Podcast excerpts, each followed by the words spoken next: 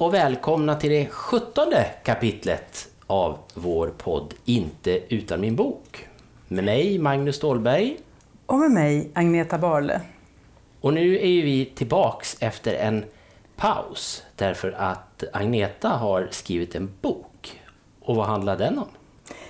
Ja, det är ju inte bara därför vi har paus, det kan jag ju säga. Jag gjorde det liksom lite i smyg. Men det är en bok, en bok för barn om eh, världsarvet Falun.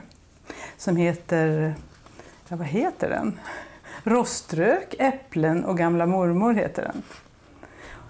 Just det. Och, den blev liksom bra. Ja, och det, det är ju en väldigt bra bok. Och så en, för alla som inte då bor vid Falu gruva, eller i Falun, eller i närheten, så för det första är det jättebra att läsa boken, för då får man veta allt. Men gamla mormor är inte en mormor. Nej, det är faktiskt Falu gruva. Själva gruvan hette Ja, så. för hon, hon het, kallades så av gruvdrängarna för att hon var Dels var hon sträng och tuff att ha att göra med, men hon var också snäll för hon gav dem lön för mödan. Så man, eh, ja, gamla mormor helt En bra enkelt. mormor helt enkelt. Ja. Men det är ju inte bara jag och Agneta som sitter här. Nej. För det, då skulle det inte vara så likt riktigt. Utan Precis. i tornet på gamla brandstationen den här gången sitter Tyra Tolvesbo. Hej! Hej! Hej och jättevälkommen. Tack för att jag fick komma hit. Du tar studenten när som helst. Det gör jag om två veckor, 15 juni. Åh, vad häftigt. Ja, Jag kan känna den, minnas den känslan. Kommer du ihåg? Det var fantastiskt. Ja jag längtar. Ja. Vilket program går du på? Eh, Jag går kulturhumanistiska programmet på Falu Fri. Mm? Så det är väldigt mycket kultur och litteratur och sådana grejer, saker man tycker om. Det låter jätteroligt tycker Ja, jag. det är härligt. Då har du kommit till helt rätt podd. Ja, jag känner också det. Ja, Vi är inte en kulturpodd, men vi är ju en, läs, en, en bokstavspodd, en Ja, precis. ordpodd. eller hur? Och kultur stöttar vi så mycket vi bara kan. det är klart. Du, eh, när du sen har tagit studenten och sommarlovet är över och sådär, Mm. har du några planer då? Ja, ehm, för två veckor sedan så fick jag veta att jag har kommit in på Viks folkhögskola med inriktning skrivande. Mm, grattis! Tack så mycket! Så antagligen bär det av dit Mm. i slutet av augusti. Och bara skriva. Ja, verkligen fokusera på skrivandet och landa lite i det. Så det känns Läckert. härligt. Det tycker jag du gör jätterätt i, verkligen. Var ligger den folkhögskolan? Den, ligger, den tillhör Uppsala län, så den ligger typ 20 minuter utanför, eller utanför Uppsala. Ja, ah, okej. Och där finns ett litet slott. Ja. Det är så fint. Mhm. Agneta hon har varit överallt där man kan skriva tror jag. Hon är bra på att hitta såna här platser där man får skriva. Mm. Nej men det kommer du att trivas, det är jag hundra på. Ja, jag har hört de flesta som har gått där är jättenöjda och tycker det är magiskt. Så Mm. det känns bra. Om man ser längre, ser du längre? Vet du mer vad du skulle vilja jobba med och sådär eller? Jag vet att jag vill skriva och det Mm. har jag väl alltid vetat. Ehm, jag vill hålla på med ord och helst skriva romaner men jag kan även tänka mig bli kanske copywriter eller lärare inom något sånt. Mm. Att liksom hålla på med ord bara har alltid varit planen. Så det känns som att skriva linjen är liksom ett eh, rimligt steg att ta på den banan. Absolut, absolut. Då får du träffa andra personer som är, är som du också. Ja, Du har ju kanske gjort också mycket där du går nu, men Ja. ändå just det att komma i grupp med andra som är som man är själv. Det är ju jättekreativt och härligt. Ja. Liksom. Tillsammans med lärare som då är författare antar jag också. ja precis. Mm. Jag har förstått att du är en bokslukare också. Ja, det är jag. Stämmer det? Jag läser Du- inte så mycket som jag vill läsa, men jag älskar böcker. Det gör jag. Kan du komma ihåg när du var liten, blev du läst för eller hur eh, närmade du dig böckerna från början? Ja, det började med att mina föräldrar läste jättemycket för mig och eh, att det alltid var någon som satt med mig i soffan och läste. Och sen när jag lärde mig läsa själv så tyckte jag att de läste i fel takt och då tog jag över boken själv. Och Okej. så började jag läsa ensam från och med då. Så det, det var så det började. Jag blev introducerad till böcker av mina föräldrar som också är stora läsare båda två. Mm. Så ni har mycket böcker hemma. Ja, det har vi. Gick ni till biblioteket också eller köpte ni mest? Vi gick mest till biblioteket. Jag kommer ihåg att jag var där väldigt mycket som barn och att jag en gång eh, hade med mig 12 böcker därifrån och min väska gick sönder på vägen hem så min pappa fick komma och hämta mig. Mm. Eh, men jag älskar biblioteket, det var jämt där. Som ett litet andra hem nästan. Ja, verkligen. Kommer du ihåg någon barnbok som du tyckte extra mycket om? Jag tyckte väldigt mycket om Maria Gripe när jag var barn. Jag tyckte otroligt mycket om Tordriven flyger i skymningen. Oh ja, just det. Ja, Mm. Den läste jag om och om, och om igen och jag tycker fortfarande att den är jättebra. Jag läste den för något år sedan och tycker fortfarande att den är fantastisk. Den, det är en sån speciell stämning i den. Ja, Visst är verkligen. det? Det är, det, är en sån, det är en obeskrivlig stämning. Och det är sån... eh, Jag vet inte hur man kan förklara det. Det är en sån magi i hela boken Mm. utan att den har liksom övernaturliga inslag på det sättet. Mm. Telefoner, gamla vanliga Ja. telefoner spelar en väldigt stor roll Ja. i den boken. Den är ju väldigt spännande kommer jag ihåg. Du har också Mm. läst den Magnus? Ja, det, Mm. var, det är en sån där bok som jag... Jag kommer inte ihåg detaljer än Mm. fortfarande sådär, men det är vissa saker, vissa detaljer minns jag ändå. Den, det är inte så många böcker från när jag var mindre som jag minns. Ja. Och, och varje Nej. gång, jag, jag har funderat på om jag skulle läsa om den nu. Jag vet inte om den är, funkar den tror du, för en vuxen? Jag tror det funkar om man har någon slags nostalgiskt band till den. Mm. Eh, om man kommer ihåg magin från när man var liten. Mm. Antagligen hade jag inte älskat det lika mycket om jag läste den första gången idag. Nej. Men jag tycker fortfarande så mycket om den och jag märker att det var vissa grejer som flög rakt över huvudet på mig som barn som jag uppfattar nu. Mm. Många filosofiska inslag. Det handlar mycket om eh, tiden, hur tiden fungerar och Ja, sånt där. just det. Mm. Som jag uppskattar mer nu än vad jag gjorde då. Jag minns den också som en jättebra radioteater för barn. Alltså Mm. den gavs eh, varje morgon på, under sommarlovet tror jag. Eller någonting Mm. sånt. Och då vet jag att Hasse Alfredsson hade en viktig roll i den. Men den var också väldigt... Ja, den funkade så också. Liksom. Ja, Jag hörde den så först, och sen läste jag boken en gång. Men jag, det var en hel sommar. Jag, jag minns att jag var väldigt mån om att inte missa ett enda avsnitt. Det kommer jag faktiskt ihåg. Och jag vet traumat att jag missade ett avsnitt. mm. Och Och då, kunde man inte liksom inte lyssna. om. Det var, Nej. inte, det var långt före man kunde plocka upp telefonen och lyssna. ja precis. Så. Ja. Ja, men jättebra bok. Du, bortsett från den här då, eh, fortsatte du, jag tänker, steget in i vuxenlitteraturen så att säga. Mm. När tror du att du tog det ungefär? Kommer ihåg? Jag kommer ihåg att jag läste Twilight, och de, den bokserien av Stephanie Meyer, när jag var kanske 11. Mhm. Och då var jag lite för liten för Mm. de böckerna. Eh, och det, var- det var lite som en chock. Men efter de böckerna så var jag liksom redo att läsa mer ungdomslitteratur eller saker riktade till unga vuxna. Mm. Eh, så det var, jag tror det var det, att jag hamnade i hennes vampyruniversum och sen hittade min väg in i lite mer liksom, svårare böcker där man måste tolka mer. Du var väl precis i rätt ålder när den där vampyrvågen kom? va? Ja. Var det inte så? Precis, jag var lite, Lite för för liten ung kanske? när de kom ut. Mm. Men sen så hittade jag dem ganska tidigt och var nog ändå lite för liten för dem. Men jag kommer ihåg att jag tyckte om dem väldigt mycket. Mm. Nu tror jag det har släppt va? Ja. Jag tror inte det finns så mycket vampyrböcker på det viset. Nej, jag läste faktiskt om sista Twilight-boken för något år sedan och jag tyckte inte den var så bra. Jag skrattade mycket Ja. för att den var ganska löjlig. Du, var sitter du och läser någonstans? Ehm, nu läser jag mycket utomhus när vi har det här vädret. Mm. Jag sitter mycket i parker och läser.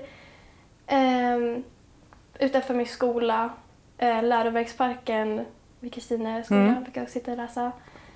Eh, och annars läser jag i, eh, i mitt rum. Jag har en väldigt eh, eh, ypperlig läsfåtölj som jag har köpt för att jag ska läsa i den. Eh, som jag tycker mycket om att sitta och läsa i. Mm. Det ser lite gammaldags ut och då känner jag mig lite så här som att jag har koll när jag sitter och läser i den. Du, du, när du beskriver det så som gammaldags, då är det alltså vanliga tryckta böcker du sitter och läser? Eller läser Ja. du i eh, läsplattor och så också? Alltså, nej, jag läser aldrig digitalt. Lyssnar du på böcker? Nej, inte det heller. Nej. Jag tycker inte... det är väl samma sak när jag var liten, att jag störde mig på att det var fel takt.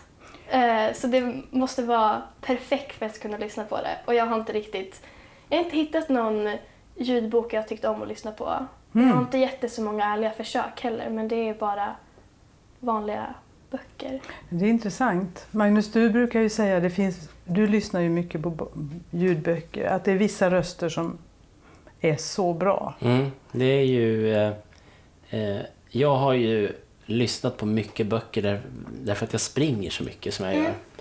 Och då spelar inte takten så stor roll heller. Det, jag blir inte otålig för att det går för långsamt. Utan det, är- det är snarare att jag, jag, jag blir otålig om jag hör en... Alltså uppläsaren inte är inte kan framföra texten på ett bra sätt. Vi har ju tagit upp det, finns ju, vad heter det, Stefan Sauk han har ju fått pris flera gånger för att han är, är en väldigt bra inläsare. Men det finns ju många andra som... som en uppläsare som jag gillade mycket som inte lever längre nu, det är Björn Granat. Han var också väldigt bra att läsa. Och Var inte det sådär. Malickens pappa? Ja, det stämmer ju. Det var det. Eh, och, men, men just det där med lä- eller ljudbok, är, det handlar väldigt mycket om för mig om att, att det kan till och med vara så att en mindre bra bok blir bra därför att uppläsaren är Okej. bra. Ja. Medan det också kan vara tvärtom, att en, en bok som faktiskt egentligen är bra tappar på grund av en dålig uppläsare. Mm. Det blir ju en emellan dig och, och texten Ja. på det viset. Och det är ju, som sagt, det, det ideala är ju, tycker även jag, att, att läsa boken. Därför att då får jag ju bygga allt själv. Jag får ju ha mina egna röster i huvudet och, och sådär. Eh, Men det är ju ganska svårt när man är ute och springer och gör det. Så att då, då får man ju lyssna. Men, Ja. men jag förstår verkligen, just det där tempot är väl det som är är väl nästan helt avgörande när det kommer till, läs, till ljudböcker. Nu kan man ju de här eh, tjänsterna som finns, Storytel och eh, finns någon mer också där. Story finns det väl någon som heter, Storytel. Ja, hur som helst. Eh, Där kan man ju speeda upp det så man kan få dubbelt så hög hastighet.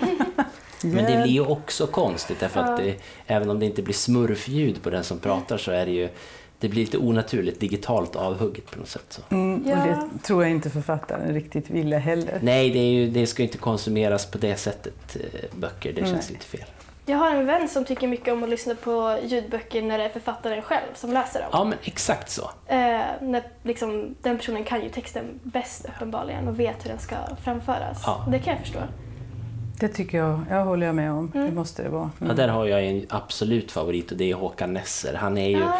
Jag kan inte ens... När det kommer till Håkan Nesser kan inte jag längre... Jag kan inte läsa hans böcker utan jag vill att han ska berätta dem för mig. Det är så. Ja, för jag tycker att han...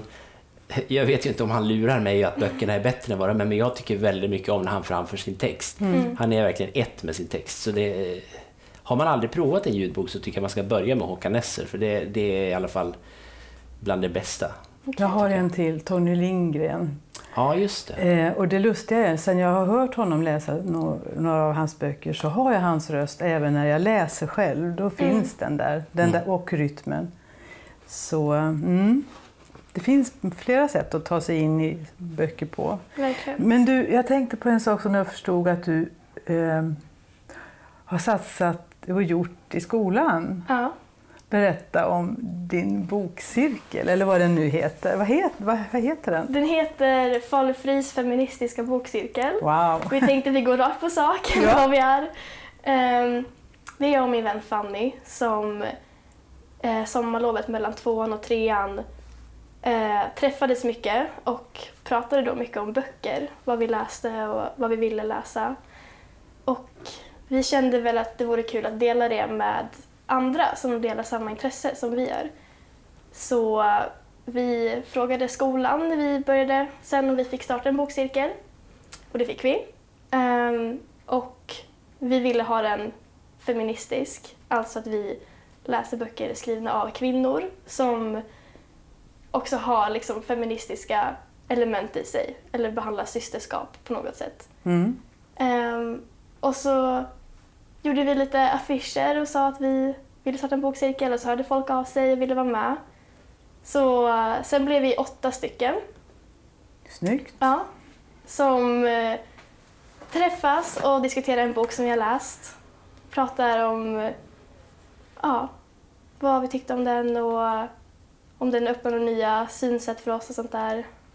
Och så bestämmer vi nästa bok tillsammans och ses vi nästa månad. Och En gång i månaden ungefär? Ja, vi har försökt hålla det en gång i månaden. Nu har det blivit lite svårare för att man har mycket att göra med studenten och så. Precis. Men vi har försökt hålla det en gång i månaden. Och då har det varit, eh, jag antar att det är, det bara tjejer i, i gruppen? Ja, det är bara tjejer, men det var egentligen en slump. Det var inte som att vi förbjöd killar från att nej. vara med. Det bara blev så. Men det var från flera olika klasser så att säga? Ja, vi har både ett och två och tre med Mm. och från eh, alla program på skolan. Mm, kul. Så det är jättekul också. Vad, vad läste ni senast? Eh, senast så läste vi faktiskt eh, manuset till filmen Lady Bird. Wow! Vi eh, hade inte så mycket tid att läsa en hel bok. Så Nej. då tänkte vi, ja men då läser vi manus. Det är också kul. Så det var det senaste vi läste. Hur Men- tänker ni göra nu då? Ja, vi, eh, jag och Fanny hoppas väl att någon som går i tvåan nu kanske vill ta över till eh, nästa höst Mm. så det kan leva vidare. Vi har haft väldigt kul. Det har varit väldigt fint att få Mm. dela med sig av sin läsglädje. Och så på det viset så hör den ihop med skolan? Ja, precis. Vi, vi kan ju ta den utanför skolan också. Vi har pratat om det ifall att vi kanske ses när de som går ut kommer hem, om de är iväg och pluggar eller så. Mm. Men just nu ser det ut som att den kommer stanna i skolan. tycker jag låter som bra. Du kommer att starta en ny på Vik ska vi se. Ja, precis. Det blir, det, det blir något nytt. Precis. Du, eh, en sån här, jag vet inte om det är en svår fråga, men vad säger du när jag frågar varför är det bra att läsa böcker? För att man eh, får resa fast man stannar på samma plats. Det stämmer verkligen. Det är ett jättebra svar. Eh, Jag tänker på att man, man kan ju faktiskt precis åka vart som helst och Mm. framförallt så, så det finns inga gränser för var, var Nej. man kan åka till platser som inte finns också. Så Mm. Precis. Man får ta del av liv man annars aldrig skulle få ta del av. Det, det tycker jag är fint. Mm. Som det är just nu, har du någon fa- favoritförfattare? Ah, det är så svårt med den frågan. Det känns som att jag aldrig har läst en enda bok i mitt liv när jag får den frågan. Ehm, jag skulle nog säga Sandra Beijer. Hon har skrivit två böcker och jag tycker bara om en av dem. Men jag tycker om den första boken så mycket att hon blir min favoritfattare i alla fall. Har du läst den flera gånger? Många, många, många Vad gånger. heter den? Den heter Det handlar om dig. Och den kom ut 2014 tror jag. Okej. Och ehm, hon har ett språk som liksom vandrar väldigt fint mellan att vara skönlitterärt och dikt. Ehm, och det var första gången jag läste ett sånt poetiskt språk Mm. som verkligen öppnade mina ögon för det sättet att skriva på. Och jag, eller jag förstod då att jag ville skriva så. Så skulle man kunna göra, ja. Just det. Mm. Jag bara, jaha, man kan skriva så här också. Eh, hennes karaktärer har inga namn i boken till exempel. Eh, vilket eh, chockade mig. Jag läste den när jag var 15 tror jag. Och eh, den boken älskar jag väldigt, väldigt mycket. Och då, jag läste även hennes blogg där hon har kvar det språket. Eh, och även fast jag inte tyckte om hennes andra bok så tycker jag om hennes första och bloggen så pass mycket att hon, hon är en stor förebild för mig inom berättande. Okej. Mm. För jag tänker favoritförfattare kan ju också förändras ju äldre man blir. Va? Att, eh, jag menar, Maria Gripe var en för dig när du var i kanske tioårsåldern. Ja. Mm. Precis. Men vågar du, jag tänker du läser brett idag, läser du, vågar du, lä- läser du om böcker eller går du vidare hela tiden? Liksom? Jag brukade läsa om böcker ofta när jag var lite yngre men nu har jag en så lång läslista och jag har så mycket jag vill läsa att jag liksom inte hinner ta mig den tiden att läsa om någonting nej. även fast jag kanske skulle vilja. Eh, men det, det finns vissa böcker jag alltid kommer tillbaka till och även om jag kanske bara bläddrar i dem. Jag kanske inte läser från perm till perm Mm. men ofta så läser jag, lägger ner boken och börjar på en ny. För jag har liksom en lista. Mm, Okej. Ja.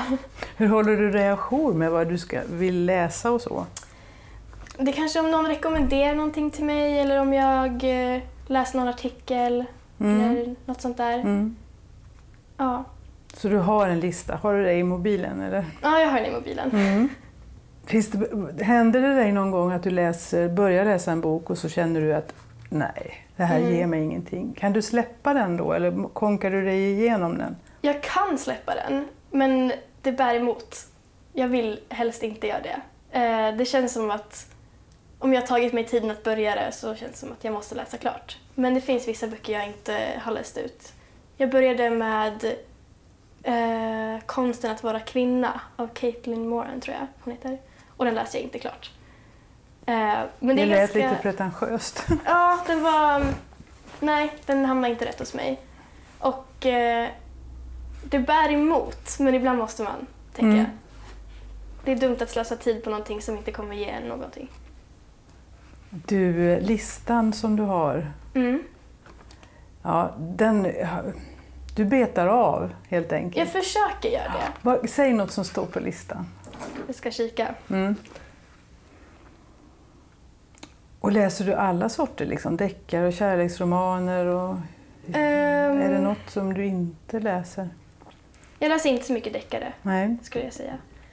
Eh, jag läser mest romaner. skönlitteratur. Ja. Mm. Okej, en bok som står på min lista att läsa är eh, Tripprapporter Tripprapporter. av Tone Schunnesson. Okej. Ja, den står på min lista. Mm. Hur har du fått, eh, hur, hur kom den här in på din lista? Hur, vad gör att de hamnar där? Just den här boken var väldigt omtalad när den kom ut och jag läste mycket om den och folk tyckte den var intressant och nytänkande. Mm. Och eh, de bloggar jag läste så var det många som läste den där och hyllade den. Eh, och jag har även läst en del essäer av den här författaren och tycker hon är briljant. Så Mm. det känns som att jag kommer tycka om hennes bok också. Du säger att du läser flera bloggar. Mm. Har du något tips på någon blogg som vi, man borde läsa eller följa? Ja, jag läser eh, Sandra Beijers blogg, 9-5 heter den. Den tycker jag mycket om. Mm. Och sen läser jag Flora Wiströms blogg, hon är också författare. Ehm, hon har skrivit ungdomsboken Stanna, Mm. som vi också läste i min bokklubb. Ehm, ja, det är väl mest dem jag läser just nu. Mm. Ibland läser jag ehm, Underbara Klaras blogg också. Hon har ju en ny bok som kommer ut nu om eh, utmattning. Du, jag tänkte, eh, läser du mest nya böcker eller går du också eh, tillbaka till typ Virginia Woolf och gänget, höll jag? Jo, det gör jag. Mm. Jag älskar Virginia Woolf. Mm. Ehm, I och med att jag har gått kulturhumanistiska så eh, gick jag en litteraturkurs som ingår i programmet. Och då fick vi läsa lite klassiker och sånt. Mm. Och jag har även innan det haft ett stort intresse av klassiker. Typ eh, Glaskupan av Sylvia Plath, en av mina favoritböcker Mm. någonsin. Mm. Har du ett tips på någon riktigt rolig bok? För den var Rolig inte bok. rolig, den är vemodig. Ja, Jag tänkte, ja, Rolig bok. Det- Åh, ja. Jag läser inte så mycket roliga Nej. böcker. Jag läser mest tunga, deprimerande saker. Eh, en man som heter Ove är rolig då och då. Okej. Den är också deprimerande. ja, men man skrattar ändå. ja, det gör man. Jag funderar på, Magnus, vad ska vi... Jag tänker, jo, det, har du några andra boktitlar som du har läst nyss som du vill tipsa om? Ja. Något som ehm, du tycker vi borde läsa? Det är kanske någon som har tipsat om den förut för den har varit väldigt omtalad. Men Ett litet liv av Hanya Yanagihara tror jag hon heter. Den är tjock. Den är väldigt Den, tjock. Magnus, den Nej, men är jag tänkte, vad tjock. intressant, det, jag, ingen har tipsat om den. Och Nej. jag hade ju just en, en fråga om det, min, min återkommande standardfråga om det här med om en bok får vara tjock. Men det Ja. får den vara för dig alltså? Eh, helst inte faktiskt. Nej, okej. Ja, jag föredrar tunna böcker. Ehm, men den här är kanske närmare tusen sidor. Och jag, jag var inte säker på om jag ville rekommendera den för den är så otroligt sorglig. Och eh, har satt så djupa spår i alla som har läst den.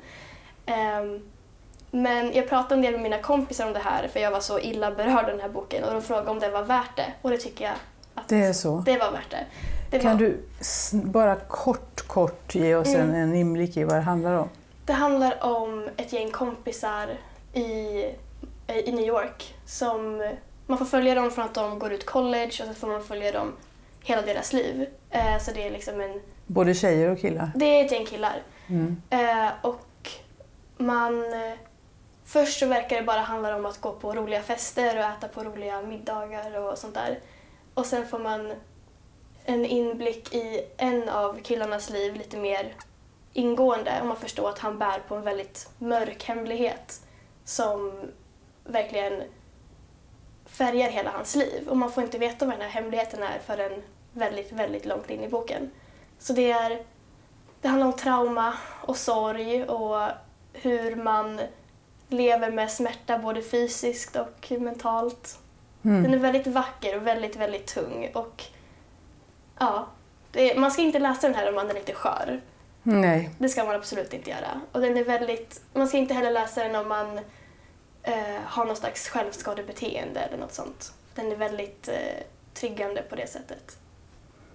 Men den har skri- skrivits mycket om, eller omskrivits mycket och lyfts Mm. upp så. Ja. Och en sommar så här, Mm. om man mår bra så kan man väl läsa den. Absolut. Ja, det är lätt att må bra nu när solen skiner. Som Ja. den har gjort länge på oss. så att- Mm. Precis. Ja, den eh, spås vara en framtida klassiker. Ja, det kan jag tro. Mm, Ett litet liv. ett litet liv. Du, vad läser du just nu? Eh, just nu läser jag Oskuldens död av Kerstin Thorvall. Ja, ja. Ja, Mm. där har vi en klassiker Ja. egentligen också. Precis. Ja, just det. Kul. Mm. Är Du, det, läser du en i taget eller har du flera på gång samtidigt? Jag försöker läsa en i taget, men jag kan inte riktigt hålla mig. Nej. Så jag har en bok i varje väska och så växlar jag. Vad har du idag? Är den med där? Här har vi eh, Oskuldens död, tror jag. Okej. Ja, Är det lite som... Ja, det där, du har alltid boken inom räckhåll liksom? ja, det har jag. Man vet aldrig när man får lite tid över. Nej. Man vet aldrig när man hamnar i en park och känner för att läsa. Och den risken är överhängande just nu. Den är verkligen det. Ja. Ett Och, jag menar, jättehärligt problem. och dina veckor nu framöver, fram till studenten. Precis. Mm. Alltså vi önskar dig jättelycka till tycker jag. jag tyckte det var kul lite grann med... Jag är inte så bra på Kerstin Thorvall så jag fuskgooglade lite under tiden Mm. medan ni pratade. Och Oskuldens död, det är en sån där... Den är 40 år gammal och Ja. funkar fortfarande. Ja. Det är häftigt. Ja. Det är Det- som är så... Det är återigen det här med, med läsning, just att man kan plocka upp en bok. För den, det är inte alldeles plättlätt ändå att skriva, skriva en text som är relevant 40 år senare. Nej. Då måste den ju handla om något som är djupare än Precis. den tid den skrivs i. Och hon var ju väldigt före sin tid kan man Mm. väl ändå säga och var väldigt obekväm Mm. under sin tid. Men också en fantastisk skribent, Verkligen. verkligen. Snacka om lätt penna liksom. Ja, Mm. verkligen. Ska vi kasta oss över våra tips? Ja, vi brukar avsluta med varsitt boktips till. Jag tänkte ta upp bollen där eftersom Tyra Ja. nämnde Fredrik Backman. Mm. Så tänkte jag att då, då, Då tar du då den har jag. Ja, då har jag ett tips om Fredrik Backman. Han, jag har ju tipsat om honom förut. Det, jag är ju, tillhör, tror jag, en minoritet som ju inte, inte tyckte att eh, en man som heter Ove var så bra. Jag tycker att den börjar, den, är, den börjar otroligt bra, men sen tappade den mig på vägen. Eh, så där hade jag och Fredrik Backman ingen bra start. Men sen så har, jag, har han eh, revanscherat sig med råge eh, och även jag står är på hans sida nu så jag, i fanklubben. Och det jag har läst nu är en han har ju gjort, han har gjort jag har pratat för, för ett antal kapitel sedan om en annan bok som handlade om, om en farfar som, som hade drabbats av demens. Och det var ju en liten blogg egentligen som han skrev och sen som blev en bok. Eh, och den var inte speciellt jättelång men den var väldigt, väldigt bra och väldigt gripande på många sätt. Och det är den här också som heter Ditt livs affär som kom till jul 2017. Den beskrivs som en liten julhistoria men det känns som att det, det var nog mest för att den Ja, den inleder med att imorgon är det julafton och sen kom den ut i december. Men egentligen den handlar om en, en eh, 45-årig man som eh, skriver ett brev till sin son. Eh, och eh, att han meddelar att eh, ja, när du vaknar imorgon är det julafton men då finns inte jag kvar. Och det, det börjar ungefär så. Och eh, man vet inte så mycket mer än det. Och sen växer den här historien fram. Eh, och jag tänker inte gå in så himla djupt på det. då, för då förtar jag mycket av läsupplevelsen. Men det, Fredrik Backman har gjort då, dels i den här boken och sen den här demens, alltså boken om, om, om den här demenssjuka farfan. Det, det är att, att han, har, han har börjat röra sig i ett område där om det här det jobbiga med livet, mm. det som inte är så kul, mm. döden och, och sjukdomar som gör att människor förändras och sådär. Men han, han skriver om det på ett sånt väldigt bra sätt, därför att att läsa om det är väldigt bra. Att höra andra prata om det är väldigt bra. Eh, men det är inte lätt att göra det utan att kanske ta till eh, både klichéer och bli, alltså bli väldigt... Det kan bli lite smetigt tycker jag, men, men Fredrik Backman är verkligen jättebra på, på att, att röra sig i det området. Så Ditt livs affär, det är bara 80 sidor så den är väldigt lättläst. Mm. Mm. Eh, och ganska mysigt illustrerad också. Det, det var så att när jag läste den ibland så funderade jag på om det var någon slags barnbok. Men det, alltså, det tror jag inte därför att den är lite för den är lite för tung för att vara en barnbok, men mm. illustrationerna är lite... Ja, lättsamma ska jag inte säga, men det, det känns barnbok över dem lite. Men eh, den rekommenderar jag mm. verkligen. Den, den, tar man lagom när man äter en glass i, under sommaren, tänker jag. Och då tar jag en som har funnits lite längre, men inte så himla mycket. Den kom ut 2014 och är en för mig och Magnus gemensam favorit. Han heter Erlend Loe, norrman, och det är Inventeringen, heter den. Han heter till och med Erlend Lo. Det lär inte jag mig Nej, någonsin. Men nu när du sa det, fick, jag har ju gått och tänkt på det hela dagen när jag visste att du skulle prata om det. Precis när du sa det så, så kom jag på det. Jo, det heter han. Men, yes. Erlend Lo. Och då är det så att den här gången eh, så skriver han om en, har han en kvinnlig huvudperson. Det är också en ganska tunn bok, den är bara på 140 sidor ungefär. Eh, och det handlar om en kvinna som är poet, hon heter Nina. Och hon var poet redan på 70-talet och skrev, gav ut sina första diktsamlingar då och blev ganska hyllad. Sen har det gått en massa år och ingenting har hänt och hon har inte utvecklats. Sen får hon någon sorts relation med en man som gör att hon flyttar till Istanbul ett tag och då ger hon ut ytterligare en diktsamling som mottas väldigt illa kan jag säga. Hon får usla recensioner. Och då bestämmer hon sig för att, ja, hon blir helt enkelt totalsågad. Och då bestämmer hon sig för att ta ut hämnd.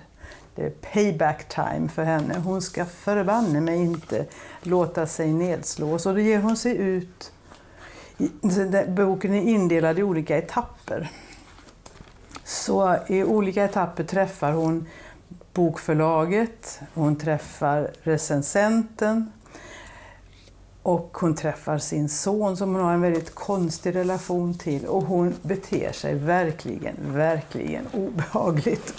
Så man tänker, vad är det här för en människa? Men eftersom Erlend Lo är som han är, på tal om roliga böcker, så är den här Ja, den är vansinnigt rolig och helt knasig. Och den slutar något så in i bänken udda. Men jag säger ju inte vad det är för någonting. Det låter som en Erlend Loe-bok. Ja, det är det. det är det. Han håller måttet vill jag säga. Så att eh, har ni inget annat för er så ta gärna inventeringen av Erlend Loe.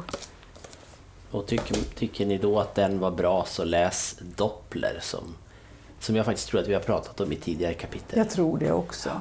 Ja, jag också Erlend Lo som har skrivit. Eller Fakta om Finland. Eller Naiv super. Ja, det, det finns. Alltså han, han, är han en riktig pärla. Det är en mm. viss, helt klart en, en, en, en viss typ av, av um, humor som träffar mig jättebra i alla fall. Mm. och det, återigen det du sa Tyra om det här med att, att resa till platser. Så han, eller Lo tar oss till en värld som den finns eh, nästgårds fast jag tror ingen ser den på något sätt för den är ändå så skruvad. Men ja. den, ändå, den skulle ändå kunna finnas men ja, det är väldigt speciellt. Skruvade ordet. Ja. Jag tror det, ja. Erlend Lo och den hette alltså Inventering. Mm. Nu har vi gjort en liten slags comeback här då med ja. Tyra Tolvesbo så ja. vi har producerat det sjuttonde kapitlet. Precis.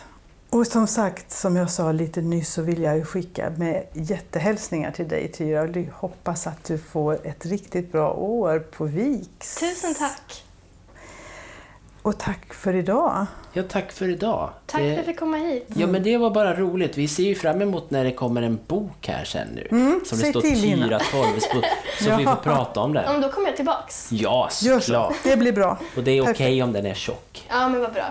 Och det säger inte han alltid kan jag säga. Nej, jag gör ju inte det. Men är jag nyfiken så Mm. kan den vara tjock. Det går bra. Bra. Fint. Men vi säger tack för den här gången. Tack. Tack.